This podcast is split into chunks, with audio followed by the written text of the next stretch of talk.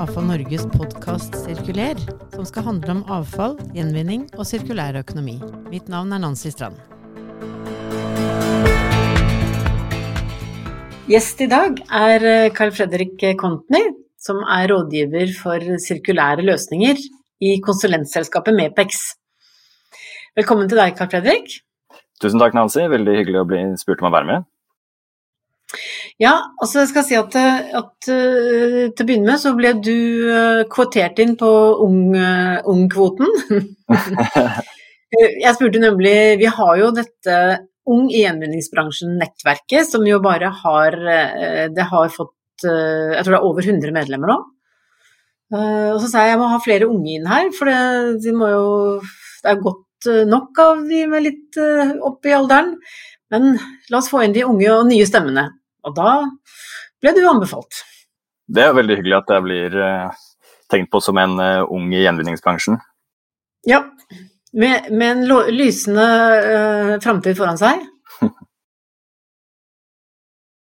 Du, altså så, så, begynte jeg å se litt på CV-en din, og så tenkte jeg at du er jo ikke helt nyutdannet. da, Du har jo rukket å, å gjøre deg atskillig erfaringer, du. Og sist i før du begynte med Epex, så hadde du et engasjement i, i Klima- og miljødepartementet hvor du jobbet med uh, sirkulærstrategien som ble lagt fram før sommeren i år. Så hvordan, du, hvordan, hvordan, hvordan var det å jobbe med den strategien, egentlig?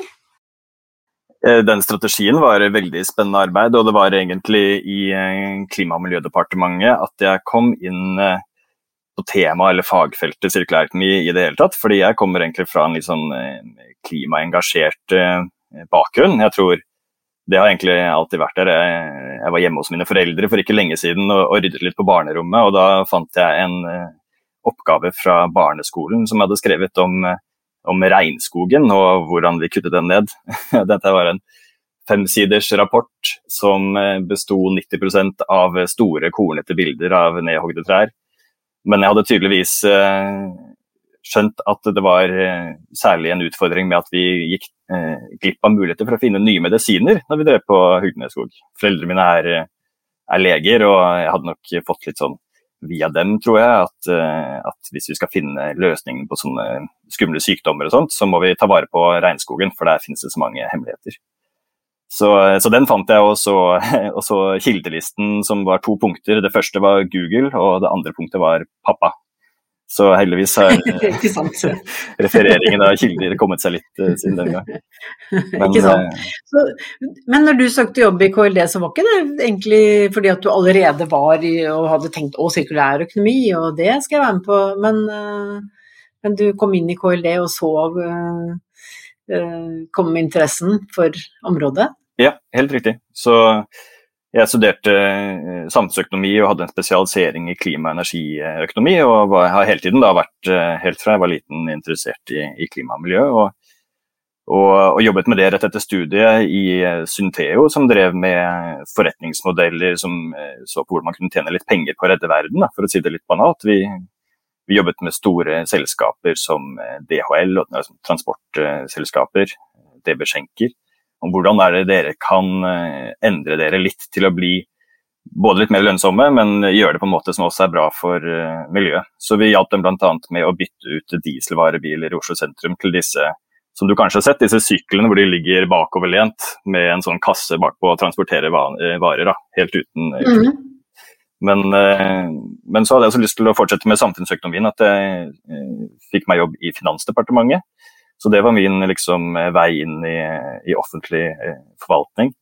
Eh, og jobbet med liksom, de flinkeste samfunnsøkonomene i landet. Og der eh, hadde jeg ansvaret for arbeidsmarkedsanalyse og nasjonalbudsjettarbeid. Så det var jo kjempespennende, men manglet litt av den klima- og miljødimensjonen.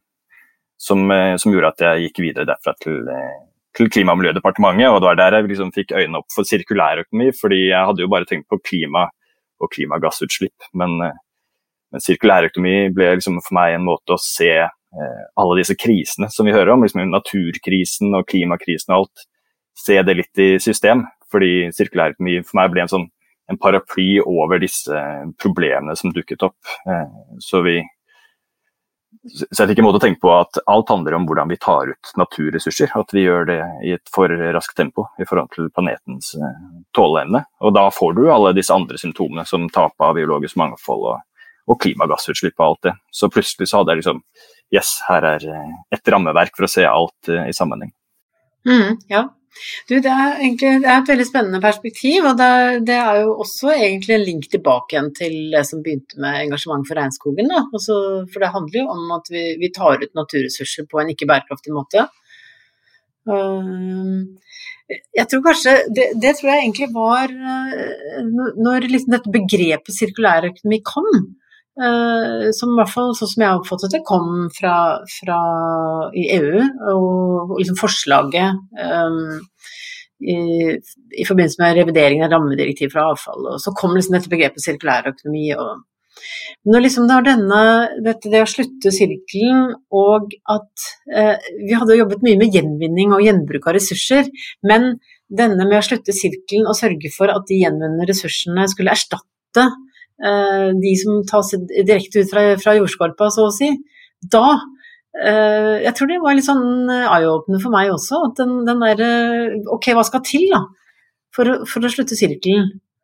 Så det er veldig spennende sett fra et sånn samfunnsøkonomisk eh, ståsted som, som du har, da. Ja, jeg syns det var en, en øyeåpner, som du, som du kaller det. og og veldig gøy å komme inn i KLD på det tidspunktet hvor jeg skjønte fra kollegaer som hadde jobbet med, med dette temaet i mange mange år, eh, endelig begynne å se at eh, her er ikke sirkulærøkonomi lenger et sånt begrep som folk ikke forstår eller tar på alvor, men eh, kanskje særlig drevet fram av EU og deres eh, da eh, andre handlingsplan for sirkulærøkonomi, som kom liksom, eh, ikke lenge etter at jeg begynte å jobbe med sirkulærøkonomi i KLD som satt eh, så mange liksom, modige initiativer på dagsorden, og som eh, liksom, virkelig eh, slo fast sirkulær økonomi som et tema som, ikke, som, som, var troverdig, og som man tenkte at dette er ikke noe som bare går over. Dette er ikke nok en, liksom, et synonym på liksom, grønn vekst eller et eller annet bærekraftig, men dette er et konsept som, er,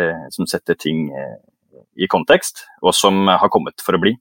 Så det var me eh, megainspirerende å se at eh, her er det faktisk mange som tenker på politikkutvikling for å sørge for at vi kan bruke ting eh, om igjen og, og, lenger, sånn at vi slipper å ta ut nye ressurser fra naturen hele tiden. Så Det var egentlig akkurat det jeg hadde vært på, på jakt etter da, helt siden jeg satt der og skrev om regnskogen da jeg var på barneskolen. Ja, nettopp. Og det, det, altså det som eh, liksom De assosiasjonene jeg får når du, når du, sier hvordan du oppfattet det når du kom inn der, fordi jeg tror også at uh, dette at man plutselig så disse sammenhengene, og at uh, nå er det jo sterke aktører i samfunnet som, som nettopp tar til orde for å se liksom, klima mm, F.eks. bedrifter som rapporterer på klima og bærekraft eh, blir opptatt av å, av å, rapportere på hele verdikjeden sin. Ikke bare på at Den enkelte virksomhet rapporterer ikke bare på akkurat det de selv gjør, men de må ta med hele verdikjeden. Da, da, da, da kan man gjøre noen interessante samfunnsøkonomiske analyser, tenker jeg da. Det kan man absolutt. Det, jo, det burde jo egentlig være åpenbart. ikke sant? Fordi For en bedrift så er det jo helt, helt klart at eh, det er lite lønnsomt å sløse med ressurser. Så, så, hvorfor i all verden skal vi gjøre det på samfunnsøkonomisk eh, nivå? vi jo, det er jo vår felles oppgave da å, å, rigge økonomien med de virkemidlene vi trenger for at ikke det skal være lønnsomt for noen å sløse med samfunnets ressurser heller. Eh, så det, så det blir litt sånn, hvis man være litt sånn tabloid, så er det jo virkelig det å kunne skape mer med, med mindre. Og her åpner det seg jo et helt felt av nye forretningsmuligheter for f.eks. For de delingstjenestene vi ser. Du kan jo få alt fra heis og tepper til lyspærer som en tjeneste heller enn et produkt. Og det syns jeg er kjempespennende å se på hvordan et sånt utvidet produsentansvar eller kanskje et produkteierskap eh, kan, kan bidra til å snu litt på insentivene. Plutselig har en, en bedrift som tidligere har eh, tjent med mest penger på at ting går i stykker i det øyeblikket liksom garantitiden er over. Eh, alle mulige insentiver til å lage noe som varer lenger, som er lett å reparere, som kan demonteres, materialgjenvinnes. For det er deres ansvar eh, å gjøre det, både gjennom den tiden man eh, leaser eller leier et produkt, men også når man ikke skal ha det lenger. Så, mm. Så dette med utvidet produsentansvar og, og produkteierskap uh, er, er, ganske morsomt for en samfunnsøkonom som er glad i å jobbe med insentiver og, og se liksom, mulige effekter av det. Da. Mm, ja, ikke sant.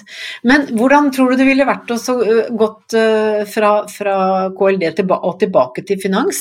Er ikke altså Finansdepartementet, vi vil jo gjerne ha med oss de, som du sier, der sitter de flinkeste samfunnsøkonomene. Ja, det er helt riktig. Og jeg har mange ganger tenkt på at det er, hadde vært fristende å en gang benytte meg av det tilbudet jeg har om å, å dra tilbake dit og, og, kanskje jobbe litt i skatteøkonomisk avdeling og se litt på skatte- og avgiftsopplegget som, som, nå skal vurderes, faktisk. For å se hvordan det kan bidra til en grønn og sirkulær omstilling. Så får vi se hva som kommer ut av den prosessen og det er et regjeringsskifte osv. Men men, eh, men, de virkelig tunge økonomiske virkemidlene er det jo Finansdepartementet som har eh, kontroll på. Og så er det jo selvfølgelig en skiftende politisk ledelse også som har eh, det siste ordet. Men, men akkurat nå så er jeg megafornøyd med å være i, i Mepex, for der er det litt tettere på de konkrete løsningene. Og, og det er også ja. gøy, at ikke man bare ja. sitter og, og, jobber med politikk, men er litt fjernt fra hva som skjer der ute. Da. Mm, mm. Du, Vi skal snakke litt mer om det du gjør i dag, men, men, men, jeg var litt nysgjerrig på det siden du nevnte, for det var jo et av, et av de interessante, et av de sange, interessante momentene i, i sirkulærstrategien, dette med at man skal gå gjennom uh, de økonomiske virkemidlene og, og, se hvordan de kan innrettes mer sirkulært.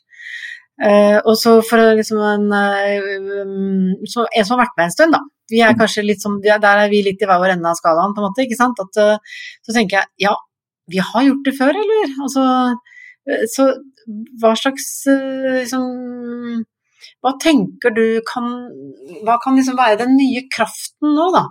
I, i, hva, er som, hva, er det som, gjør at vi har større sjanse for å lykkes med en sånn type vurdering nå, som, man, som du sier som man skal gå inn i, og som vi jo selvfølgelig håper eh, ikke stopper opp selv om det skjer et regjeringsskifte. Så, hva, hva, tenker du som på en måte kom inn i dette uh, i din fase av karrieren din? Nei, det, er et veldig, det er et veldig godt spørsmål. og, og Jeg husker jeg satt og leste meg opp på alt som var gjort tidligere liksom på, på avfallspolitikk osv. Så, videre, så kunne jo et dokument fra 80-90-tallet se til forveksling likt ut det vi drev med nå. Så det er, liksom, det er ikke noen sånn eh, Det har ikke, vært noen rasende utvikling i politikken på området, kanskje. Men det er jo her eh, samfunnsøkonomien blir så avgjørende. fordi eh, av erfaring, det å sitte og jobbe i departementene, og jeg har sittet og koordinert ti departementer som skal bli enige om felles innhold i regjeringsstrategi, det er, det er, mange forskjellige interesser, og, og, det er jobben deres også å passe på de interessene som ligger til hvert enkelt departement. Men det som er kritisk for at et forslag skal gå igjennom, er å kunne synliggjøre at det er samfunnsøkonomisk lønnsomt. Og Da er det rett og slett å vurdere nytte mot kostnader, og, og kostnadene er jo ofte lettere å tallfeste enn nytten. Så det snakkes jo mye i avfallsbransjen om at det er liksom notorisk dårlig statistikk og tall på det vi driver med. Og, og nytteeffektene av de tiltakene vi, vi, innfører eller foreslår å innføre for å øke materialgjenvinning f.eks., det er ofte begrenset til liksom CO2-utslippene. fordi det er det vi har god statistikk på og, og kan tallfeste enn så lenge. Men så er det heldigvis da, en ganske rivende utvikling også på miljøøkonomifronten, som gjør at vi får bedre statistikkgrunnlag. Vi har en digitalisering som gjør at vi får stadig liksom mer eh, info inn, og kan tallfeste alt det andre gode som skjer eh, hvis vi innfører tiltak for eh, å omstille oss til en sirkulærøkonomi. Så for å ta et konkret eksempel, så eh, har det vært vanskelig å, å tallfeste liksom, eh, plastforurensning. Og plast er jo veldig aktuelt for, eh, for en sirkulær økonomi. Um, og man har da ofte liksom bare igjen eh, snevret inn til å se hvor mye klimagasser kommer det av å produsere plastflasker. Og det er, liksom, det er ikke all verden hvis du sammenligner med tiltakene for å eh, lage en sirkulær eh, verdikjede for plast. Men eh, jeg tror det bare er to uker siden at eh, WWF f.eks. prøvde å tallfeste hele liksom, problemet med plast, inkludert hvilke økosystemtjenester som går tapt når du har eh, plast i havet og alle de andre liksom, negative virkningene av, av plastproblemet. Og kan, kom fram til at globalt så er det større enn eh, BNP i India. Så vi er oppe liksom i tre trillioner dollar i året. Som er sånn, det er nesten Donald Duck, onkel Skrue-tall. Um, så tallfestingen av nyttesiden her, uh, av å gjøre tiltak, blir stadig bedre, tror jeg. Og, og, hele nøkkelen er som sagt at hvis du får et forslag som har uh, tydelig nytte større enn kostnad, så vil også samfunnsøkonomene i alle departementer tenke at ja, da kan det være verdt å, å se nærmere på dette forslaget. Mm. Ja, ikke sant. Men er det ikke nettopp det altså, som du er inne på nå, altså, som uh, dette med hvordan man verdsetter naturressursene, uh, som har måte, kanskje vært det springende punktet, da. Uh, altså at man har på en måte ikke fått en tilstrekkelig verdsettelse fordi i hvert fall ja, i en rekke sammenhenger så er jo naturressurser å anse som gratis på en måte, ikke sant? Som det faktisk virkelig ikke er, men men som er det i en del av modellene, i hvert fall. Det er akkurat det, og, og man kan jo eh, stille spørsmål ved liksom det, det, etiske og prøve, prøve, å sette en pengeverdi på naturen, men, eh, men re, realiteten er jo at eh, det aller meste er politikkutvikling har en samfunnsøkonomisk analyse i seg. Og hvis det du ser på er verdsatt til null fordi at du ikke har tall på det, så, så, kommer det ikke med. Da blir det mer lønnsomt å bygge en parkeringsplass der det sto en skog, for at du har ikke verdi på hva den skogen var verdt for økosystemene, eller for menneskene som liker å ta seg en tur i den skogen. Så her er, jo, her er det jo veldig vanskelig å sette konkrete tall på ting, men alternativet, hvis det er å sette nullverdi, det har ganske, ganske dårlige konsekvenser for, for oss som er opptatt av å ta vare på naturen. Mm, mm. Ja, ikke sant. Ja, eh, det er egentlig bare å heie på at, eh, at eh, ikke den Ja, men dette har vi prøvd før. Holdningen, den må i hvert fall ikke vinne. Det, det vil, så, så, og det er jo kanskje nettopp kombinasjonen av, av miljøkunnskap og økonomisk kunnskap og forståelse for økonomiske modeller som eh, vi trenger mm, for å finne nye løsninger. Da.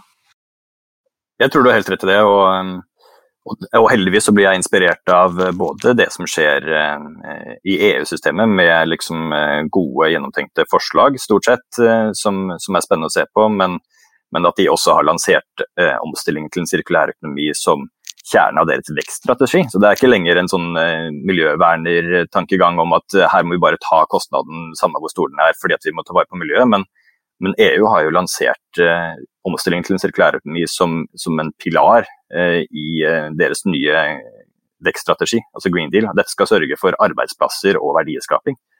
Og Sintef har jo også pekt på det i Norge, at eh, hvis vi tar bare EE-produkter, altså elektroniske, elektroniske produkter, hvis vi klarer å øke graden av reparasjon istedenfor å hyppig bytte dem ut, så kan det føre til 12 eh, 000 eh, årsverk og 10 milliarder i økt verdiskaping. Så her er det jo noe kinderegg hvor vi kan virkelig, virkelig liksom skape verdier av å ta bedre vare på ressursene våre. Og, og da får du en hel rekke fine sidevirkninger av det. Ja, og det som, som, du sa, det som er morsomt uh, som jeg skjønner, eh, som er litt bakgrunnen for at du valgte uh, å gå over i konsulentvirksomhet, som Mepex er. At du, du, kommer tettere på muligheten for å være med å påvirke løsningene og kanskje også på en måte gjennomføringen av dem. Da.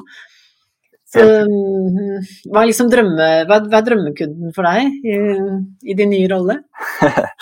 Uh, nei, allerede nå så har jeg vært på, på, mange prosjekter hvor vi har veldig spennende kunder. Så, og det er alltid gøy å, å levere ting tilbake til, til uh, nasjonale myndigheter. For jeg satt jo da vi jobbet med sirkulærøkonomistrategien og, og, så på veldig mange rapporter som var utarbeidet av Metex.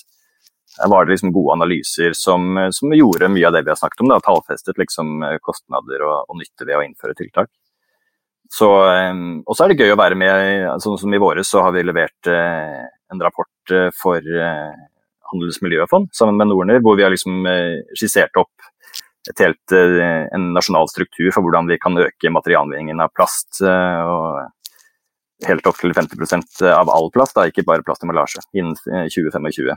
Så, så, det er veldig, veldig, gøy. Da får vi gitt liksom noen konkrete innspill til hvordan helheten kan se ut. Og så er vi jo også eh, anleggsavdelingen vår i gang med å bygge verdens største gjenvinningsanlegg for plast i Sverige, i Motala, Side Zero. Så, så der har du liksom et eksempel på at det å jobbe i Metex der får du også sjansen til å være helt nede på, på bakken og bidra til å bygge opp. Ikke bare skissere en løsning, men være med å bygge løsningen. Så det er, det er inspirerende.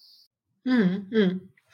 Altså, det var en som, som sa til meg at, at den teknologien, altså det Vi har jo tilgang på veldig mye teknologi, og den teknologiske utviklingen går jo kjemperaskt.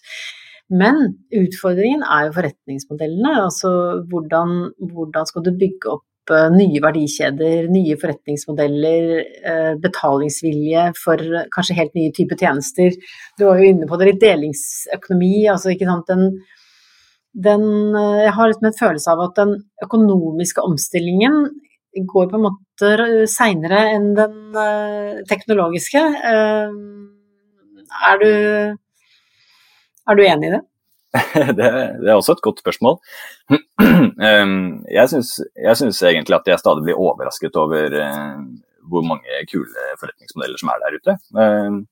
Men, men det, du kan ha helt rett i at eh, det å virkelig se storskala nye forretningsmodeller som er basert på noe sirkulært kanskje liksom er på vei opp, men som jeg ikke har helt oversikten over ennå. Så, så, det er jo her kanskje rammevilkårene kommer inn. Da. At de trenger jo tross alt litt drahjelp. Og At vi, eller politikerne, legger litt til rette for. At liksom, man blir premiert for å være ressurseffektiv.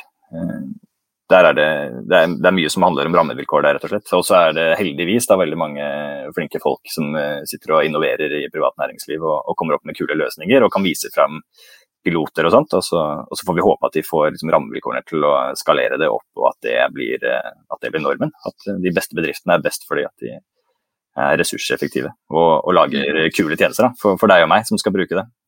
Mm, ja, ikke sant. Men er det sånn at eh, er det bestemte ting fra, fra, strategien som du var med å jobbe fram i KLD, som du nå tenker at det her blir et viktig element i, i det videre arbeidet, og som vi må ha på plass for å lykkes? Det, kan, det er flere ting.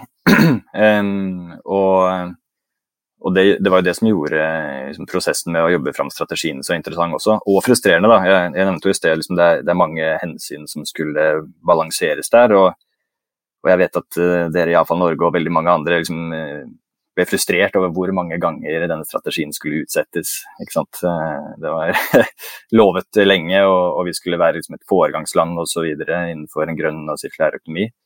Men, eh, men, jeg kan forsikre om at eh, utsettelsene skyldtes jo ikke at det var nedprioritert eller at det var treige arbeidere i Klima- og miljødepartementet, men rett og slett at eh, vi hadde lyst til å gjøre det grundig. Vi hadde ikke lyst til å bare komme med noe som var et, en skufferapport, noe som bare ikke ble brukt til noe. Og så var det å, å, virkelig da bruke tid på å forhandle med alle, sånn at vi var, alle som bidro var enige om at dette her kunne vi stå innenfor. Um, så, så, det var veldig spennende. Og så er det jo sånn at vi ofte innfører ting som kommer fra EU. Det er jo ingen hemmelighet. Det er, jeg hadde selv ansvaret for, for å gjennomføre det reviderte rammedirektivet for avfall og det reviderte emballasjedirektivet og SUP-direktivet. Og, og, mange av de tiltakene som, som man som påpeker at skal gjøres i Norge i strategien, er jo, er jo, gjennomføring av disse tingene som kommer fra EU. Og så er man ganske framoverlent på å jobbe internasjonalt for å påvirke både EU, men også veldig bra arbeid for å eh, liksom, være initiativtaker på en global bindende eh, avtale for, mot plastforsøpling osv. Så, så um, det som er frustrerende med å se eh, en sånn strategi, er jo at man føler at kunne man ikke vært enda modigere, liksom? Kunne man ikke fått på plass enda noen mer konkrete tiltak? Men, eh, men noe av det viktigste er heldigvis i gang. Vi, vi jobber nå eh, i Metex med å hjelpe Miljødirektoratet, som skal gå gjennom produsentansvarsordningene våre. Og Det tror jeg kanskje blir eh, et kjempeviktig virkemiddel. Eh, og se hvordan de kan gjøres robuste og liksom ta tak i de problemene som har vært i produsentansvarsordningene med konkurranse og geografisk dekning og kostnadsdekning osv. Så, videre. Så Så det viktigste kanskje som jeg tar med meg, er, er gjennomgangen av produsentansvarsordningene og se hvordan de kan brukes eh, best mulig. For der tror jeg det ligger ganske mye sprengkraft. Mm, mm. Ja, apropos det siste der, altså den, den, denne overgangen uh, som jeg oppfatter det nå, liksom hvor, hvor sirkulærøkonomi i EU begynte med rammedirektivet for avfall, og så har vi fått Green Deal, men et viktig element nå er dette med produktregelverket og, og hvordan dette skal implementeres i regelverket knytta til produkter, uh, for så vidt REACH. Altså. Men det, det, at vi får dette si, over på produsentsiden, da Eh, hvor produsentansvar er et element, men et ganske komplisert element. Men det er også at også annet regelverk som, som bygger opp under at produsentene må implementere eh, tilrettelegging for sirkulære løsninger og ja, mm. ja, helt klart. Og, um, og, det, og, det, stilles jo krav, og, og, vil sannsynligvis komme strengere krav også til um, alt fra liksom, uh, en lovfestet rett til å reparere merking av produktene, liksom, krav til hvor mye gjenvunnet materiale de skal inneholde osv. Så, videre. så eh, personlig er jeg veldig eh, interessert i digitaliseringsbiten av dette her. og, og er liksom pådriver for at vi utvikler også eh, digitale produkter eh, i selskapet hos oss nå. Men, eh, men, vi ser det, hvordan det virkelig kan, kan bidra til at man kan øke sporbarheten f.eks. i produkter eh, hjelpe kunder å få litt oversikten. For det er jo en, en jungel der ute. ikke sant? Du har jo ikke per nå peiling, eh, i hvert fall ikke jeg, på om det produktet jeg plukker ned i hyllen i butikken har liksom så og så mye gjenvunnet plast i seg, eller eh, om det er noen farlige stoffer i det, eller hva nå enn det skal være. Så, eh, så, det å sette litt krav til sånne ting eh, blir viktig. Og så heldigvis så tror jeg at eh, ganske mange selskaper begynner å se at forbrukerne begynner å bli bevisste, og, og at de plutselig kan ta et konkurransefortrinn i å markedsføre seg som litt genuint bærekraftige. Ikke grønnvasking, men, men at de f.eks. Jeg tror Coca-Cola har innført liksom 100% gjenvunnet plast i flaskene sine. og og markedsfører det. fordi at plutselig så er det et, et fortrinn å være grønn. Og det, det, er jo veldig gøy. At eh, forbruker, eh, opplyste forbrukere kan være med og liksom sette litt eh, krav, de også, til sluttproduktet. Mm. Ja, mm, ikke sant. Altså, jeg snakket jo med en, en, en teknologileverandør som sa at uh, jeg tror at uh, politikerne ikke forstår um, kraften i næringslivet. Jeg tror ikke de forstår hvor raskt uh, det private næringslivet faktisk kan omstille og kan komme opp med nye løsninger hvis gitt rammebetingelser som bærer en tydelig retning. Var det et element i strategien? Altså at man hadde denne, denne måte, forholdet til næringslivet da, som en positiv kraft. Um... Absolutt, absolutt. Så um, jeg tror alle det offentlige liksom, erkjenner at de virkelig store, raske endringene, de er det næringslivet som står for, og det heier man jo fram også. Så, så vi hadde jo veldig mye eh, kontakt med næringslivet og hadde flere innspillsmøter sånt, for, å, for, å, kartlegge litt hva er det som skjer der ute, og hva er det dere trenger av rammevilkår. Eh, så jeg husker selv eh, at jeg hadde det var jo rett ned da ting stengte ned. da, eh, I, i mars 2020 eh, hadde akkurat eh, preppet Sveinung Rotevatn til å være liksom, innleder på et innspillsmøte sammen med Deloitte, hvor vi skulle få høre fra alle de som er interessert i sirkulærøkonomi, nok en gang kanskje, da, flere innspillsmøter har jo vært gjort tidligere, på hva er, det, hva er det som skjer her ute, og hva skal til for at dette kan skyte fart. Og Det kom jo kjempemange gode innspill, og mange tok vi med oss også da vi begynte å lage tiltakspakker. ikke sant? Ting eh, som sagt stengte jo ned, og det var tiltakspakker for å få fart på økonomien. Og heldigvis da en gyllen mulighet til å komme med noen virkemidler for å bruke penger på også grønn eh, omstilling. Så det ser vi litt eh, resultatene av nå. Vi, vi utviklet da denne plattformen som heter Grønn plattform, og som i disse dager driver og, og bevilger ganske mye penger til eh, bl.a. sirkulære prosjekter, Sirk3 og et par andre mm. som har fått penger til å lage sirkulære verdikjeder. Så, så det er gøy, og, og, og, vi lyttet masse naturligvis til næringslivet også i den prosessen. Så eh, det dette samarbeidet mellom offentlig og privat, det, det er vi helt avhengig av. Og det at privat går foran og er raskere kan omstille seg. Jeg tror ikke det offentlige skjønner hvor raskt de kan omstille seg, men de skjønner at det går raskt i hvert fall. Så bare henge på så godt de kan. Mm, ja, ikke sant. Du, jeg vet ikke om du har vært borti det, en, eh, det var en dansk miljøpolitiker som het Ida Auken. Eh, som Det var en, en, et foredrag med henne som jeg tror gikk litt sånn i sirkulærbransjen, for å kalle oss det. Hvor hun holdt et flammende innlegg om sirkulærøkonomi, og hvor hun også på en måte sirkulærøkonomi, delingsøkonomi, alt dette hang sammen. Og hvor hennes liksom, sluttpoeng er at uh, i framtida så deler du alt. Så som dansk så sa hun det eneste som jeg må beholde som mitt, det er sykkelen min. Mm, så, men da var liksom tanken at eh, kontorene blir samfunnshus på kveldstid, hjemmene blir kontorer på dagtid. altså vi kan, vi kan, i prinsippet dele alt, vi kan egentlig utnytte ressursene eh, mye bedre. Det, det, eh, altså, egentlig helt fantastisk som inspirasjonsforedrag, helt, helt fantastisk, antagelig helt urealistisk. Men eh, altså dette her med at liksom det er så mye vi bruker som bare står stille. ikke sant? Altså Bilen vår eller uh, huset vårt Ikke nok at når vi har et hjemmekontor, da, så har vi jo hjemme 24-7. Men er det liksom for din egen del, da? Er det, hvis du liksom skulle tenke at det, hva er det hvis du skulle tenke, hva, jeg, hva, er det jeg kunne hatt lyst til å vært med på, liksom? Hva, hva, hva er det første du ville ha tenkt på da? Hva skulle vært den uh, delingstjeneste som, eh, som uh, dette her kunne jeg vært med på. Dele bilen, dele hytta, dele liksom altså Skjønner du? Hva er liksom mm, Jeg skjønner. Ja. Er du Hva ville du ha valgt da?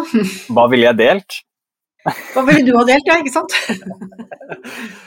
nei, nei, det skal vi tenke litt. Det er, jo, det er jo helt riktig, da. Vi snakker jo sted om eh, at disse delingsøkonomimodellene kanskje har vært litt sånn eh, små, men det er jo egentlig ikke sant i det hele tatt. For det er jo særlig de tingene som du sier som står mye stille, enten det er bilen din eller huset ditt, som virkelig har blitt store bedrifter. da, Airbnb og lokalt har vi jo liksom nabobil og alle bilkollektiver og alt mulig rart, som gjør at det er veldig lett å bruke ting som, eh, som står mye stille. Um, nei, hva kunne jeg delt? Jeg kunne delt, uh, jeg kunne delt bil. Jeg kunne delt, uh, og det gjør jeg veldig mye. Det er stort sett nabobil uh, det går i. Bortsett fra at nå har vi akkurat fått oss en elektrisk en, fordi jeg har en, blitt pappa det siste året. Og da er det litt sånn familieplanlegging som gjør at det kanskje er litt vanskelig å, å hele tiden leie. Men kjempehyggelig å dra på hyttetur med familien når vi kan teste ut et nytt sted fordi at eh, det var en Airbnb-mulighet til det. Så jeg bruker i hvert fall eh, veldig mye. Og hvis jeg kommer på noe veldig smart som jeg kan være med å dele, så kanskje jeg har en forretningsmodell selv. Ikke sant. Så den skal du ikke dele her, den kan du dele med kollegaene dine. Og så kan dere utvikle et nytt konsept. Nei, men det er jo sånne type ting som vi nå jakte på de innovative løsningene og, og tenke litt ut av boksen. Og, mm. Nettopp. nettopp. Så. Hva ville du delt, Nancy? Du, jeg har eh, Jeg må si at uh, etter en lang og vanskelig prosess endte vi opp med å kjøpe bil med hengefeste som da ikke kunne være elektrisk. Uh, så der For der var jeg var langt inne i at det må være mulig å være med på delebilløsning. Men jeg bor da ikke i Oslo, jeg bor nede i Vestfold, så det var ikke så lett, faktisk. Så, så jeg også har tenkt litt på det, hva kunne jeg ha delt? Men det jeg har gjort, og jeg har uh, fått med meg to naboer på at vi skal dele avfallsdunker. Ah. Mm, så vi har, effektivisert, um, vi har effektivisert avfallsinnsamlingen i nabolaget, og jobber nå for å få med oss andre naboer. Kjempebra. At alle må jo ikke ha sine egne dunker. Vi kan um, Så, så et, et, et, lite skritt i en uh, effektiviserende retning. Ja, men det var så, veldig smart. Den likte jeg. Mm. Nei, men du, Veldig hyggelig å snakke med deg, og, og, kjempespennende å høre det arbeidet du har gjort. Og interessant å se hva, hva du nå kan få til som, som rådgiver. Ja, tusen takk. Så lykke til med det. Tusen takk, det var veldig, veldig hyggelig å, å, snakke med deg også, Nancy. Du er jo en legende i avfallsbransjen, så, så, det var hyggelig å være med. Du, da sier vi takk for i dag.